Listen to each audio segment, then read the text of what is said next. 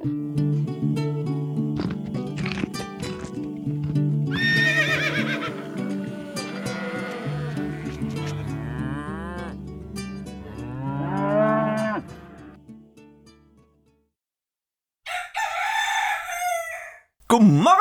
God morgen. Hei! Hei, Mari. Hei, Kjetil. Hvordan har du det? Du, jeg har det ganske fint. Ja? Eh, jeg har drukket litt kaffe. Og nå er jeg så vågal. Sitter her. Det er fredag morgen. Det knitrer i peisen bak meg. Og så drikker jeg et halvslapt glass med brus. Shit. Crazy. Det er nesten helslapt. Du lever et utsøvende liv. Det er helt vilt.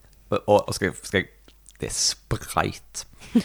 eh, når jeg var kid, så eh, lærte vi jo de viktige høflighetsfrasene når vi var ute og reiste eh, i det store utland. Og da pleide jeg alltid på restaurant å be om eh, Sprite, Place. eh, og jeg er litt usikker på hvorfor det sitter så tydelig igjen, men jeg tror det ble eh, gjenfortalt til meg mange Ja. ganger. Det må ha gjort inntrykk på Noen. I dag så tenkte vi at vi skulle snakke om regenerativt landbruk. Ja, en liten temaepisode. For em, dette har jo vært kanskje en episode som um, som har ligget og ventet en stund. Vi har holdt på med denne podkasten ja, ganske lenge nå, vil jeg si. Mm. Og så mm, har vi jo snakket litt uh, Vi har snakket ganske mye, både hist og her, om på en måte vår, våre verdier og hva vi, hva vi tenker om bærekraftig matproduksjon og sånn. Men vi har vel egentlig aldri sånn virkelig satt oss ned og, og prøvd å begynne å forklare sånn helhetlig om hva regenerativt landbruk er. Nei. Jeg vil jo, fordi jeg, jeg vil ikke stikke hodet mitt for mye fram på generelt grunnlag, eh, så jeg vil legge inn en, et, et lite forbehold om at eh, dette har jeg ikke veldig mye peiling på sånn, i, i, sånn teoretisk eller praktisk. Jeg er en novise. Det er veldig mye jeg holder på å lære meg om dagen. Eh, men eh, i drypp her og der så, så kommer det jo mer og mer kunnskap. Eh, men ja, så regenerativt landbruk, det er jo et begrep. Det er jo ikke noe i seg sjøl, sånn sett. Eller altså, når vi sier det, hva er det vi mener da med regenerativt landbruk? Ja, ikke sant. Det skal vi Det er ikke et kort svar på, men det skal vi prøve å grave litt i i denne episoden. Ja, kan du Tre ord! Nei, jeg ville begynne med å si at eh, begrepet regenerativt landbruk er et begrep som har bredd veldig om seg bare den siste tiden. De siste to-tre årene, kanskje. Eh, plutselig så er det en, en ganske stor og voksende bevegelse som er veldig opptatt av regenerativt landbruk, og det, det ser vi liksom spre seg som ild i tørt over over hele verden, faktisk. At det er en, en global bevegelse. Um, og så er det mange ulike sånne begreper da, som på en måte er litt sånn på moten til ulike tider, og så er det ikke alltid så lett å få fatt om hva som er forskjellene på de, eller om de egentlig er ulike ord for den samme tingen, eller om det er litt nyanseforskjeller. For eksempel ja, økologisk landbruk, bærekraftig landbruk, permakultur, eh, osv., osv. Ja, jeg tenker jo at det kan være nyttig eh, for å forklare begrepet og eh, se ei linje imellom det landbruket vi har drevet på med en stund nå. Bærekraftig landbruk og regenerativt landbruk. Ja, For dette er en skala. Ja, det er jo en interessant måte å tenke på det på. Um, for um, um, Ok, hvordan skal vi La oss si noe om utarming av jord først, da. Ja, nei, la Nei. oss heller si noe om Om totaliteten i økosystemene, kanskje. um, vi eh, er jo omgitt av natur. Vi er avhengig av naturen. Vi lever som en del av naturen, vi mennesker. Og naturen eh, består jo av økosystemer, det vil si mange, mange mange, mange ulike små og store deler som skal fungere sammen i en helhet. Og for at naturen skal prestere så godt som mulig, så er den avhengig av at økosystemene er sunne og robuste. Og hvis vi har det som utgangspunkt, så kan vi jo tenke på vanlig landbruk, eller liksom det konvensjonelle landbruket, da. Um, som vi har hatt uh, nå eh, Ja, og da snakker vi monokultur, vi snakker eh, kunstgjødsel, vi snakker plantevernmidler, såkalte, og såkalt Ja. gift. Em, Ja, ikke sant. Folk har jo i, i ulike ulik, eh, ulik skala og grad brukt disse ulike tingene, og, man, og vi sier jo på en måte ikke at hele verden ser ut som eh, eh, de store plantasjene i Brasil, liksom, men det er et ekstremt uttrykk for den eh, tankegangen som har drevet konvensjonelt landbruk, eller ja, van, lam, landbruk, da, egentlig, mm, eh, i mange, mange generasjoner. Spesielt siden andre verdenskrig. ja. Em, da har var- man hatt fokus på volum, effektivisering, Mm, eh, spesialisering, eh, og hatt en enorm tiltro til nye teknologiske vidundermidler som, som eksempel da kunstgjødsel har vært eh, mm. en veldig viktig del av Det må ha vært helt sinnssykt i begynnelsen av den utviklinga, og Mm. så bare se den eks eksplosive veksten. Ja, ja, man var jo Det var jo eh, Det var null em, ja, man, man, tenkte jo virkelig at dette er løsningen på alle våre problemer. Nå kan vi endelig produsere nok mat til å mette alle, ingen skal sulte, og det fins nesten ingen grenser sant, for hva vi kan produsere.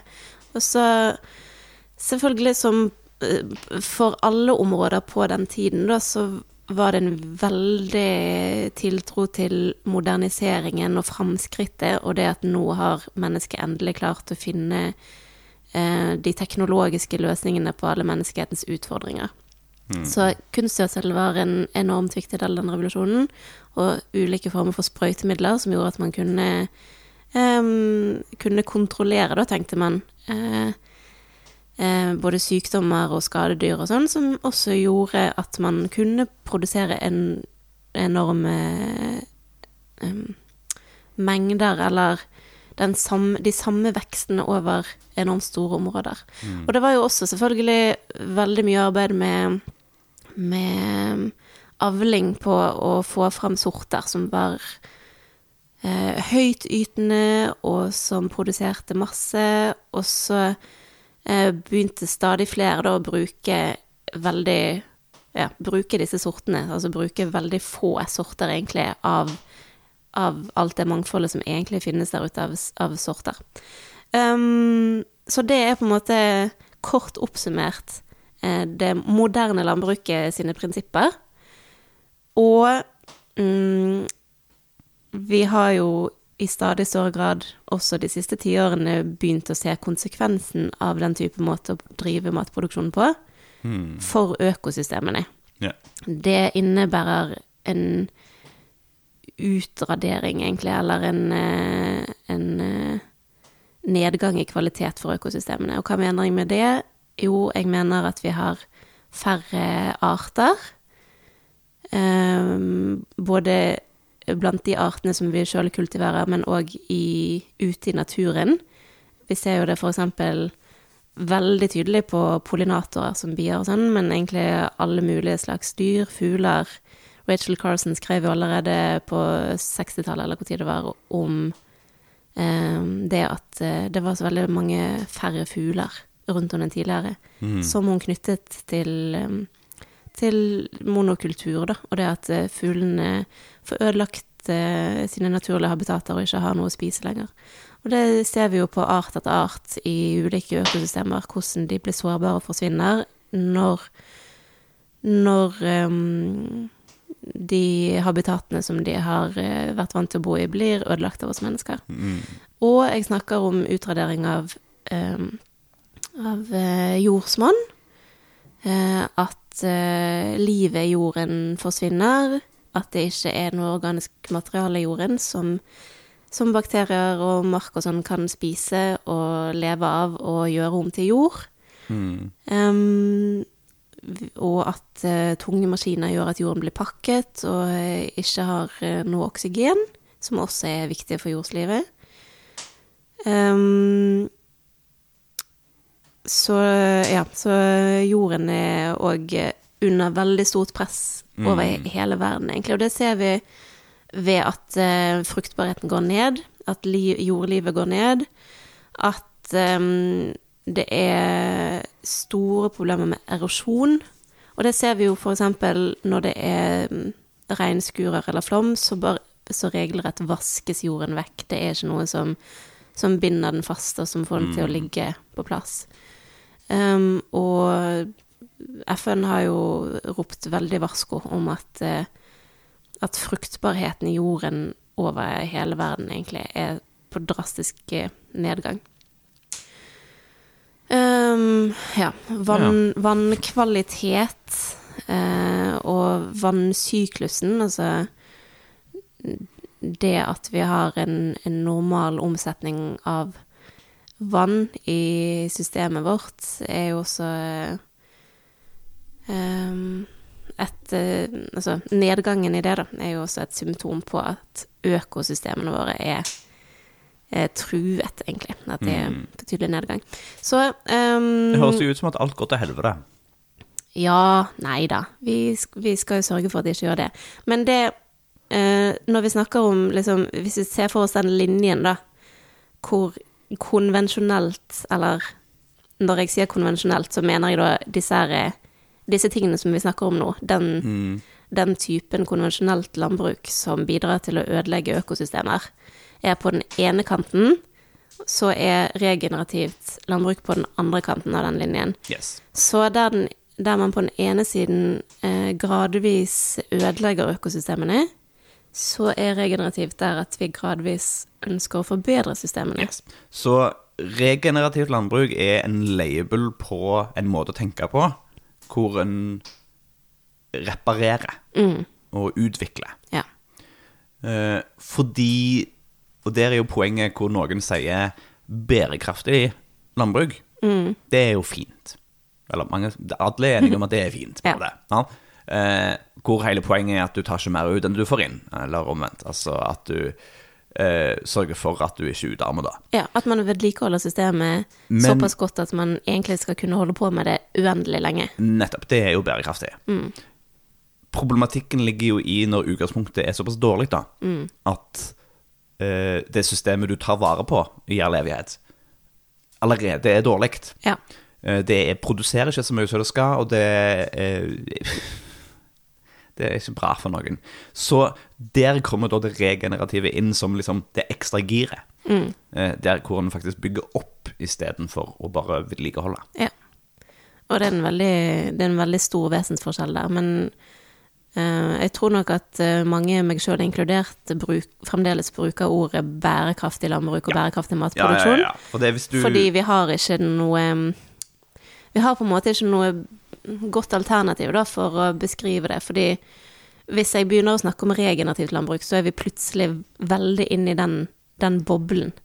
Og normale mennesker der ute skjønner ikke hva det Mm. Nei, er. og jeg tror at, at det, det, for de aller fleste, når de sier bærekraftig, så mener de regenerativt, eller Ja. omvendt. Altså no, noe det, som bidrar til å gjøre ting bedre. Yes. Ja. Så det, det, det henger sammen. Så det er bare en sånn begrepsavklaring der, egentlig. Ja.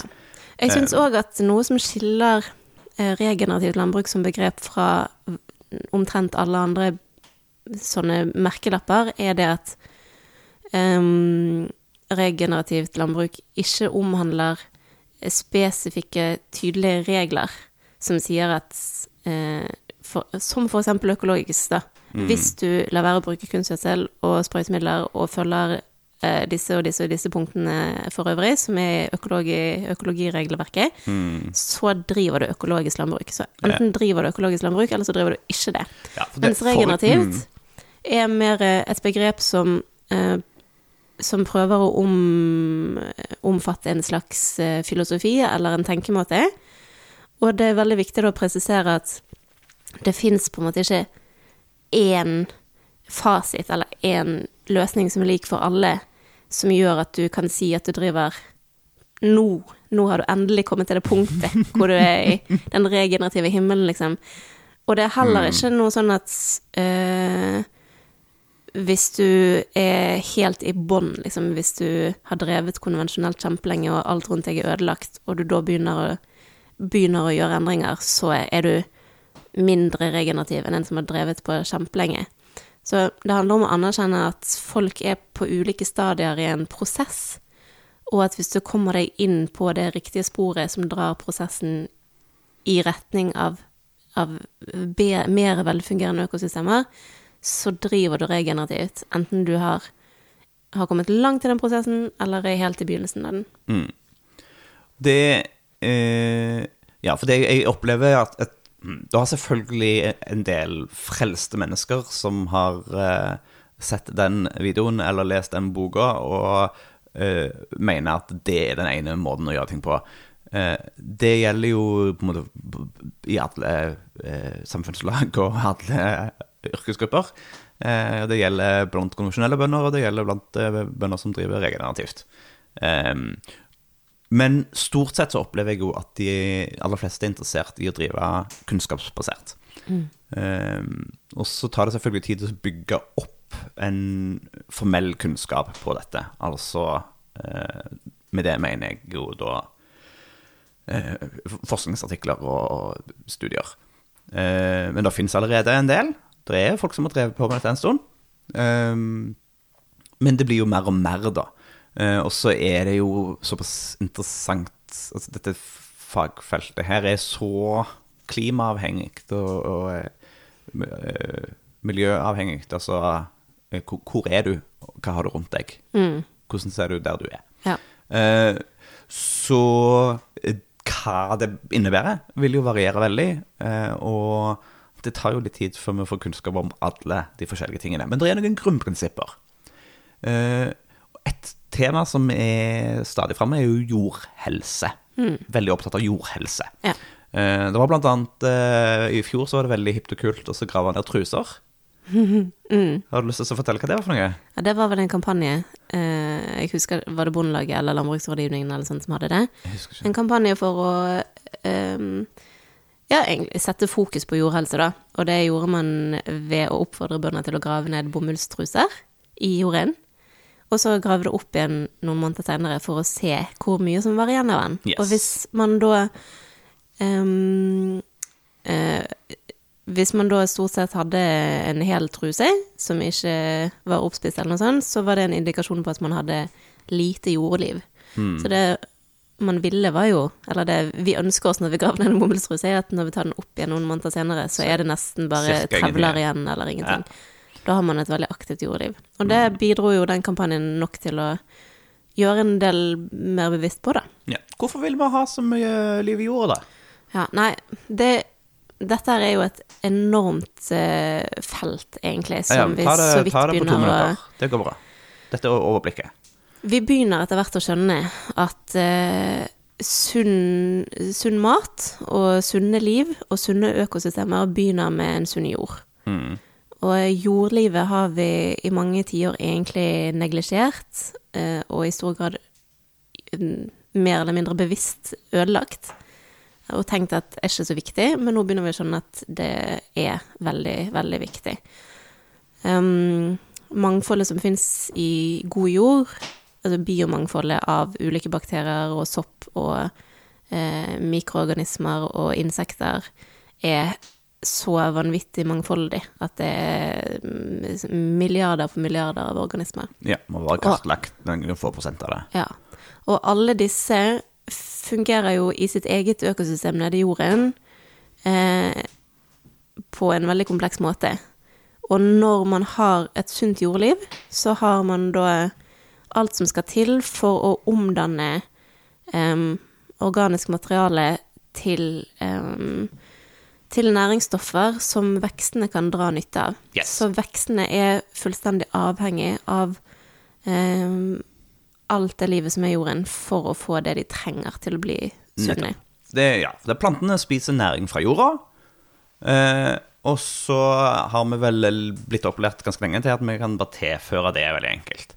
Eh, sånn naturlig ute i skogen eller ute på marka, eller? Altså der hvor du normalt sett ikke gjør så mye, og det vokser planter, så tar de og suger til seg eh, næring. Den næringen eh, kommer da enten i form av eh, sånne små bakterier og sånne ting som bor på planten, og det som pumper ting rett inn i den eller stort sett gjennom røttene, som da suger det til seg fra jorda.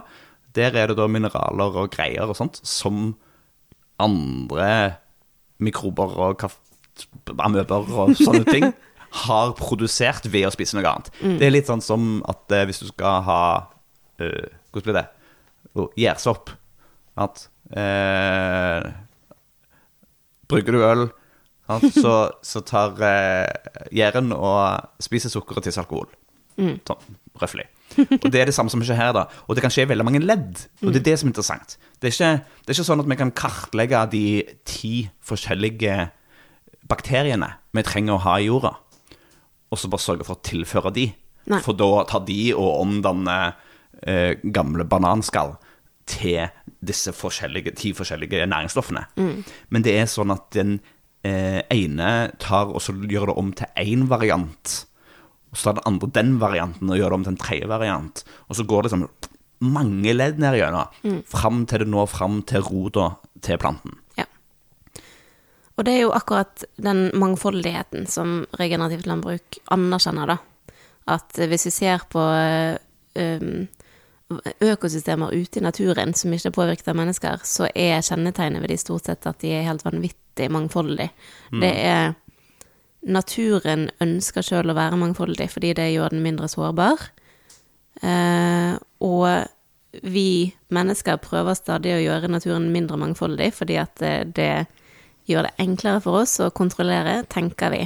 Men konsekvensene av at vi prøver å kontrollere naturen og forenkle den, er mange, og de er negative. Så der prøver jo egentlig regenerativt landbruk å i størst mulig grad etterligne det naturen sjøl vil, ved å skape stadig mer mangfold. Og når man skaper stadig mer mangfold, så får man mer høytytende og bedre presterende økosystemer som vi da kan dra nytte av, er tanken. Og det har jo vi tatt inn i vår tankegang veldig, for vi har jo Vi har òg lyst til å drive så mangfoldig som mulig, Ja.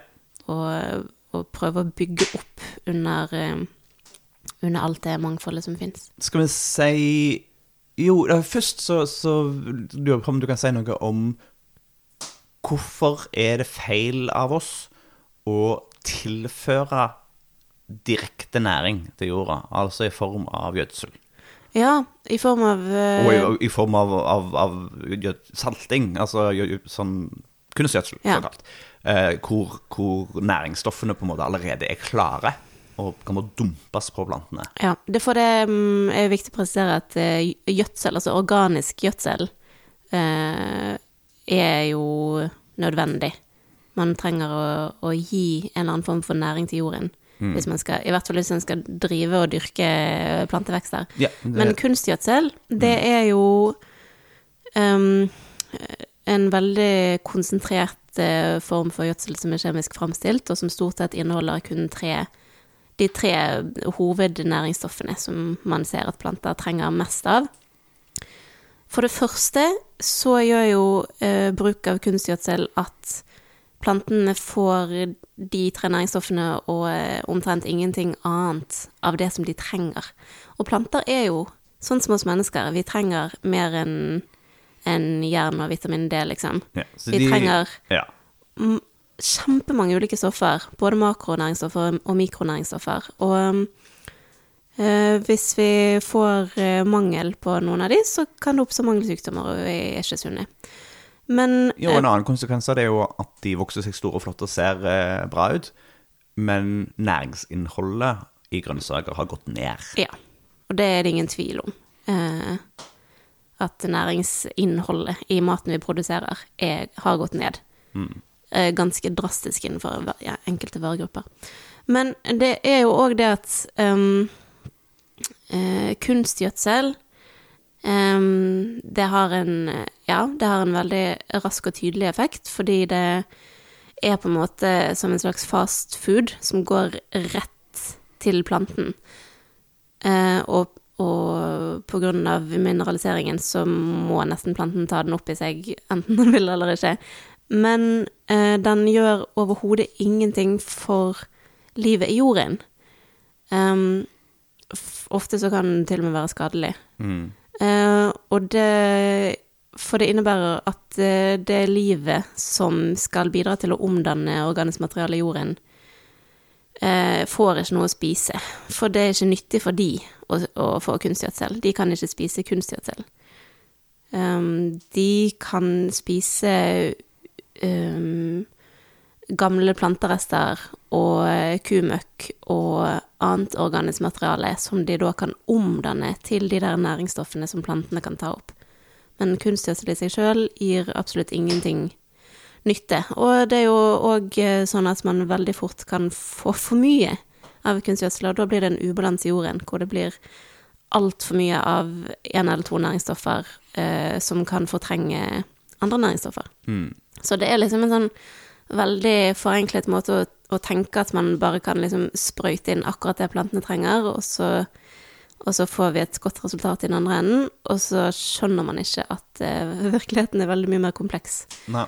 Og da tenker jo vi på at vi må mate jorden framfor å mate plantene. For hvis vi mater jorden, så vil også plantene bli matet. Og da, hvis man først og fremst har god jordhelse som mål, så vil man få automatisk mange positive konsekvenser av det eh, etter hvert. Og det er jo òg den type næring som jordlivet klarer å omdanne, er mye mer stabil eh, og blir liggende i jorden lenger, og plantene kan utnytte de lenger. Mens kunstgjødsel, det er jo høyoppløselig, sånn at det vaskes bort med en gang det regner, Mm. hvis det er for mye av det. Ja.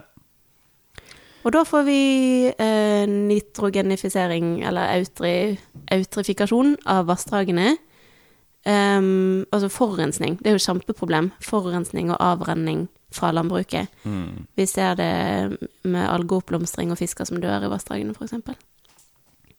Det er noe dritt. Det er noe dritt. dritt. Og jeg vil òg presisere at ehm, ja, i tillegg til at god jordhelse bidrar til næring for plantene, så bidrar det jo med flere andre effekter. For eksempel eh, at god jord eh, har vanvittig mye høyere kapasitet til å eh, holde på vann.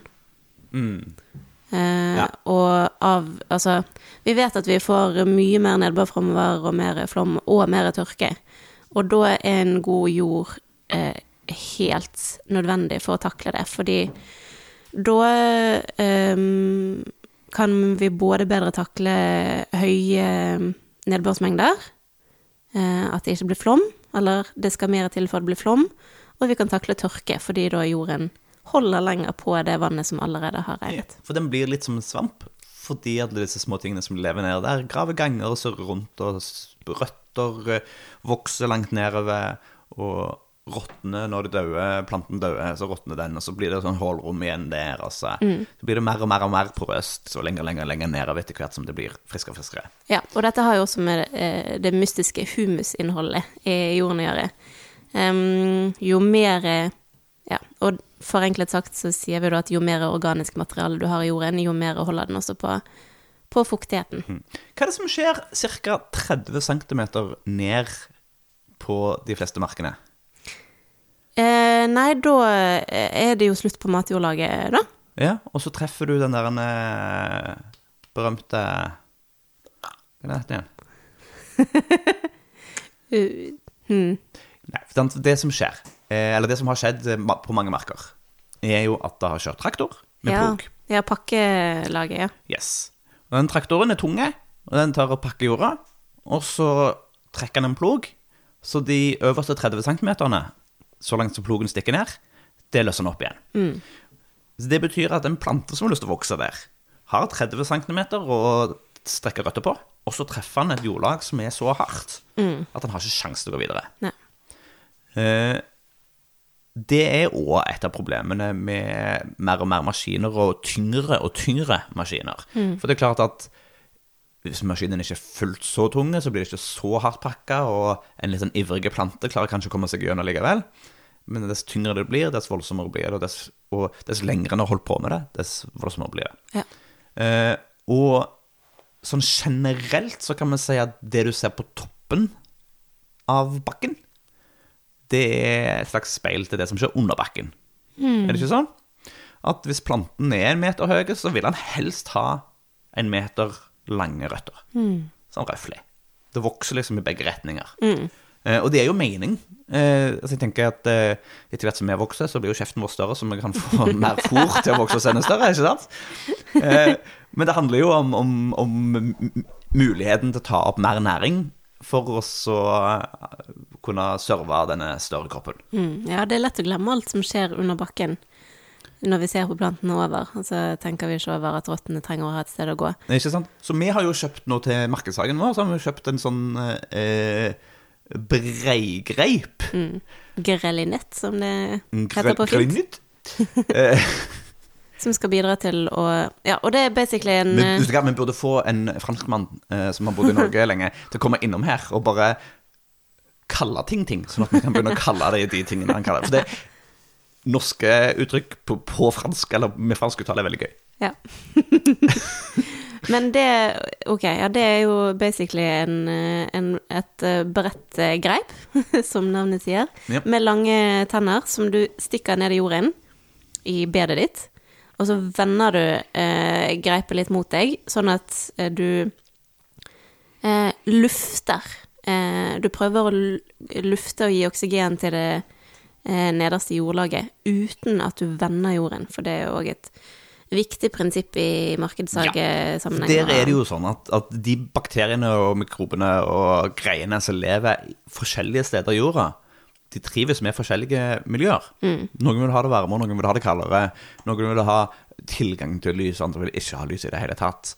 Eh, fuktighetsnivå osv. Så så det er nedover hver centimeter, liksom, så er det masse forskjellige sånne små lokale samfunn. Eh, og hvis du da begynner å snu på det, så løfter du opp de tingene som definitivt ikke skal ha lys eller, eh, eller eh, enda mer luft. Ja. Så de dauer. Og du ødelegger òg jordstrukturen, da, som er Alle veldig disse gangene vi for- snakket om, med disse røttene som og alt det der. Så det er skikkelig dust da, å flytte mer på jorda enn du må. Vi dømmer ikke, altså. Nei da, men det er skikkelig dust. Ja, nei, det er ikke ideelt. Nei, men, men det må vi jo Det tenker jeg må Det blir en egen episode, må- tror jeg. Ja, det er antageligvis. Men det bør også problematiseres, da. For det, disse prinsippene Det er ikke så veldig lett å fremdeles produsere like mye mat. Nei, og det er jo aldri Altså, du vil jo alltid være i dilemmaer. Skal du Det vil ikke finnes eh, den enkle, perfekte løsningen som ikke har noen negative konsekvenser. Så ofte så må du kanskje pløye litt, eller du må gjøre noe som kanskje ideelt sett ikke er perfekt, men som er nødvendig for å få ting til å vokse, eller fordi det er det som er riktig i din kontekst. Og det er jo det, er jo det vi stadig kommer tilbake til, at man må hele tiden vurdere sin kontekst. Altså hvis du har hvis du har et eh, velholdt jorde som har blitt drevet eh, regenerativt i flere tiår, så er det noe helt annet enn en stor kornåker eller potetåker som har blitt drevet som det konvensjonelt i flere tiår. Altså, man, man, alle må starte et sted og, og starte ut ifra de forutsetningene man har, tenker jeg. Men, men altså, jeg- jeg- en, en av liksom quick fixene eh, på en måte, det, det, til folk som, som begynner med regenerativt, og da snakker vi først og fremst om mindre gårder, er jo at de, eh, de driver med såkalt planlagt beiting. Eh, at du har drøvtyggere som går eh, på et litt mindre område, men som du flytter veldig ofte. Sånn at eh, det heter seg at du, de skal spise en tredjedel, skal trampe ned en tredjedel, og så skal du la en tredjedel stå av plantene på dette området. Så har du mange nok på et lite nok område, så flytter du det hver dag til et nytt område. Eh, hvis de er litt færre og har litt større område, så, sånn så blir det noen flere dager. Um, men det, de, det som skjer da, er at de eh, beiter jo hele det området. Eh, og de plantene de tråkker på, de blir jo eh, eh, stimulert til å vokse enda kraftigere, for de skal ta igjen skaden.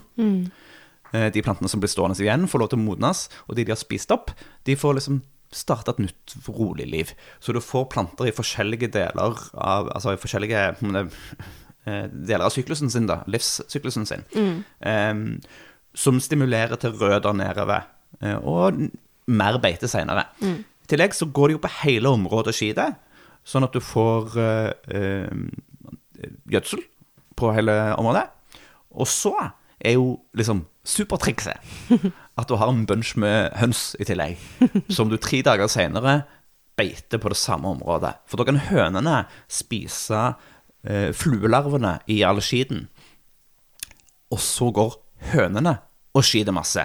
Og skiten til hønene er jo Det er jo liksom næringsbomba. Mm. Det er jo sant, det er superbra.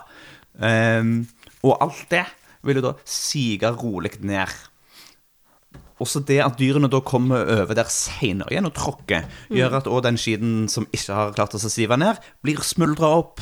Og det er jo det òg hønene gjør for så vidt, at de pekker ting og Ja. sprer det. Sånn at det trekker ned i jorda, masse god næring til disse plantene. Ja. Kjempefint. Funker kjempebra for oss som har små gårder, små arealer, eh, det er oversiktlig, eh, og vi er ikke avhengige av å fôre hele Bergen med poteter. Nei, men det er jo også akkurat det som du sier der, den type prinsipper er jo noe som er innført på veldig store gårder òg, med hell. Man kan drive en svær amerikansk gård på den måten, men det er jo, eh, det er jo arbeidsintensivt, da. Mm. Men det, det er et eksempel på eh, hvordan man eh, innenfor eh, regenerativt tenker ulike eh, Eller tenker samspill mellom ulike dyr og Ja. ulike måter å drive på for å maksimere egentlig alle de positive egenskapene man ser. Hele Ved- poenget må jo være at når du da har bygd opp den marka, så kan du et senere år legge den flate og dyrke et eller annet du vil dyrke der. Ja, for det er jo viktig for folk å forstå at um, når du driver med dyrking av, um, av kornvekster, av grønnsaker, av alt mulig eh, vekster som, eh, som man driver med i store deler av landbruket. Når man ser åkre der ute, så er, så er det planter som trekker næringsstoffer ut av jorden. Stort sett. Med mindre vi snakker om belgvekster.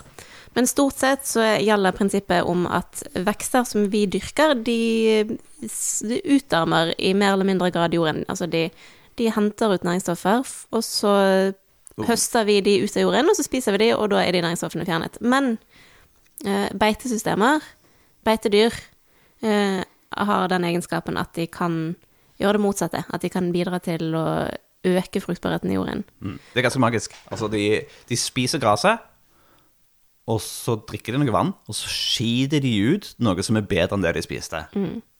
Som stimulerer jordlivet. Det er absolutt. Hva er det for noe? Er det sola?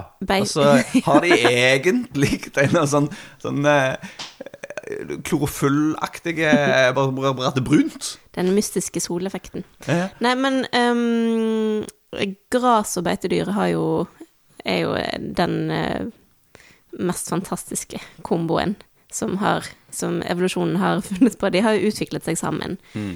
Og vi ser jo det at i de områdene hvor store flokkdyr har beitet, i Europa og i Brasil og eh, Pampasen og savannene og alle disse områdene her, så er grunnen til at det er så fruktbart i de store områdene, er av beitedyrene som Ja. Og der vil jeg jo Det er gøy. Altså, en av, Der finnes jo alltid guruer innenfor alle greiene. Og en av de, liksom, de skikkelig store guruene innenfor eh, den, den, regenerative tankeprosessen eh, eller, Men han er jo først og fremst fokusert på, eh, beiting. på beiting. Ja. Eh, han heter Alan Savory, eller Allan Savory. Søk det opp. Se på noen videoer, les noen greier. Det er utrolig fascinerende å se hvordan han har fått ørken til å bli fruktbart. Han er også veldig omdiskutert. Han har mange kritikere. Ja, vi- ja, er du gal, selvfølgelig. Og han har ikke løsninger på alle ting, men han vet en og annen ting om beiting. ja, det har bidratt til at veldig mange flere har fått eh, øynene opp for det beitesystemer kan bidra med. Ja, det betyr ikke at det er løsningen på alt. Nei. Men um, det er et eksempel på en, en regenerativ tankegang, da. Og der igjen handler det om at vi anerkjenner, eller vi ser hvordan ting fungerer der ute, og så prøver vi å liksom eh, manipulere og styre for å maksimere de positive effektene av det. Sånn at eh, det ville jo ikke Den gjenoppbyggingen av jordsmonnet ville jo ikke skjedd like effektivt hvis vi bare overlot alt til naturen. det ville skje, men det ville skje mye saktere. Mens Mm. vi prøver å drive aktivt for å eh, akselerere de prosessene. Vi skal jo gjøre en ting som er, er eh, litt sånn på, på sida innenfor vanlig regenerativ, så det er jo å ha gris. Mm. Eh, for grisen er jo ikke et naturlig eh, Husdyr? husdyr. Nei, altså de i, i vill tilstand så springer de rundt i skogen, og så spiser de røder og eh, sopp og sånt. Og de kan jo komme ganske langt med det, sånn sett. Eh, jeg tror jeg har også hørt eh, om eh, gris som tar fugl. Eh, så så de, de, ja. De vokser jo da nødvendigvis saktere enn de med seg. Eh, de vi skal ha, kommer vel til å være et sted i midten der, sånn i sin prosess. Mm. Eh, at de er ikke like voldsomt eh, utvikla som disse rosa, eh, men de er heller ikke eh, villsvin, da. Nei. Ehm, men vi vil jo bruke Altså, vi vil jo eh, ta de inn i den helhetlige driften. Mm. Så eh, vi vil kunne si at i vår sammenheng så vil vi kunne drive de regenerativt. Mm, vi håper jo det. Ja. Det, eh, tanken er jo at eh, svinn fra markedshagen, eventuelt bare kapp og sånne ting, Mm. kan gå til de, de kan fôres på det. Eh, og det samme med den, eh, disse grønnsakene vi får fra butikken. De går til grisen. Og i tillegg så skal det jo da flyttes rundt på eiendommen hele tiden. Yes, for de skal beite, og det de skal få lov til å beite Og altså, når de beiter, så stapper de nesen nedi, og så ploger de bortover og vender alt. og det er jo egentlig veldig ødeleggende. Sant? Så da driver vi med ploging og herjing og, og barlegging av områder. Og bar jord blir død jord fordi han blir utsatt for sol, og han regner vekk. Enkelt og greit. Mm. Ja, eller sagt på en annen måte, det er veldig sjelden man finner bare jord eh, ute i naturen, fordi naturen vil sjøl prøve å dekke den til så fort som mulig med nye vekster. Ja. Og da kan vi, eh, så, snart vi, så snart våren kommer og tar oss, så har vi et par felt vi skal dyrke opp eh, som eh, grisen herjer med i høst. Eh, men nei, i året som kommer nå, da, så vil jo vi bruke grisen der hvor det er mye mose og mye lyssiv. Vekster som fortrenger gras og urter, eh, som er gode mat.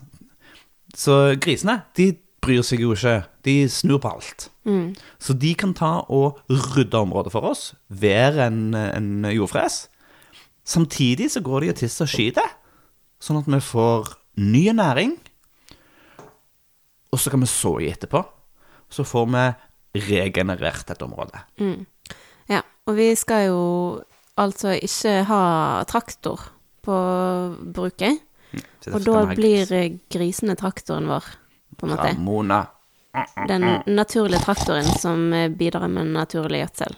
Eh, Så vi skal bruke grisene aktivt for å fornye eh, Gradvis fornye ulike deler av engene våre.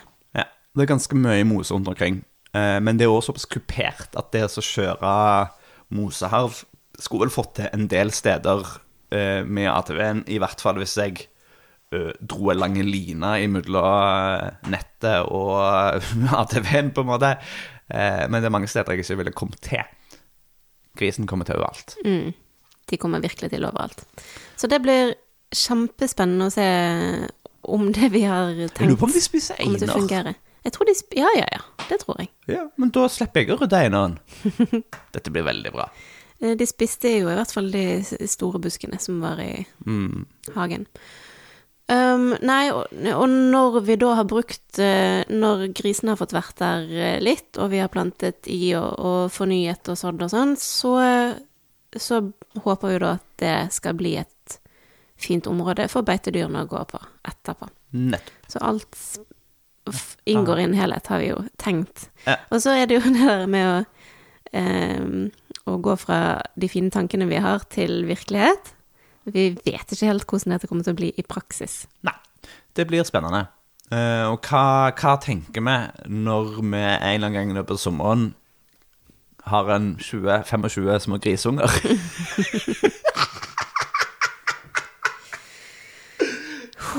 det, er, så, det, er så, det er crazy, det. Ja, det er ganske mye. Eh, så det får vi ta på det tidspunktet.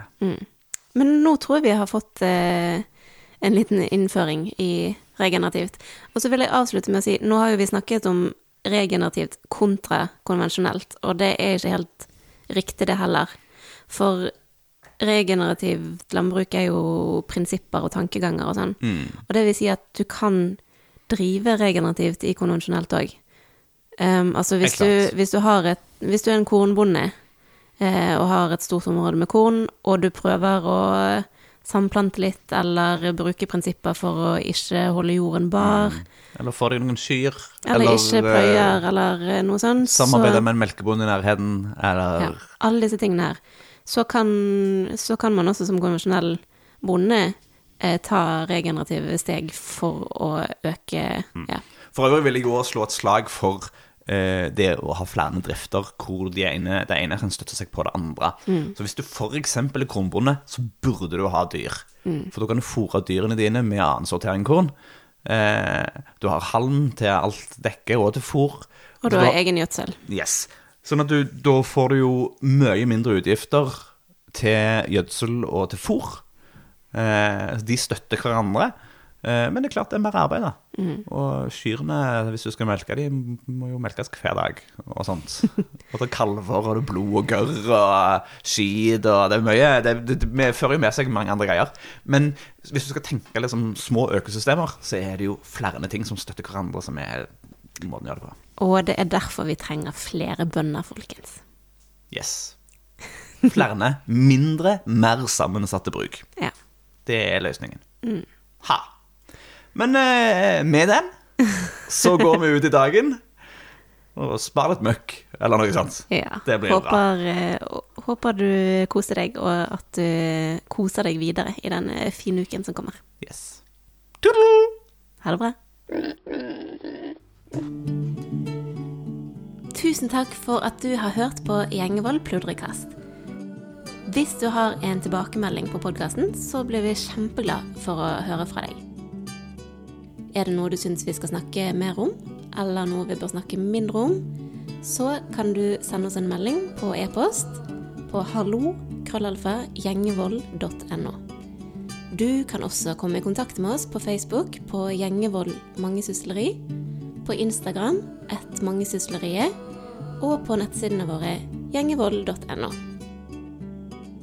Vi setter utrolig stor pris på å høre fra deg, og vi blir ekstra glad hvis du har lyst til å dele denne podkasten med en venn.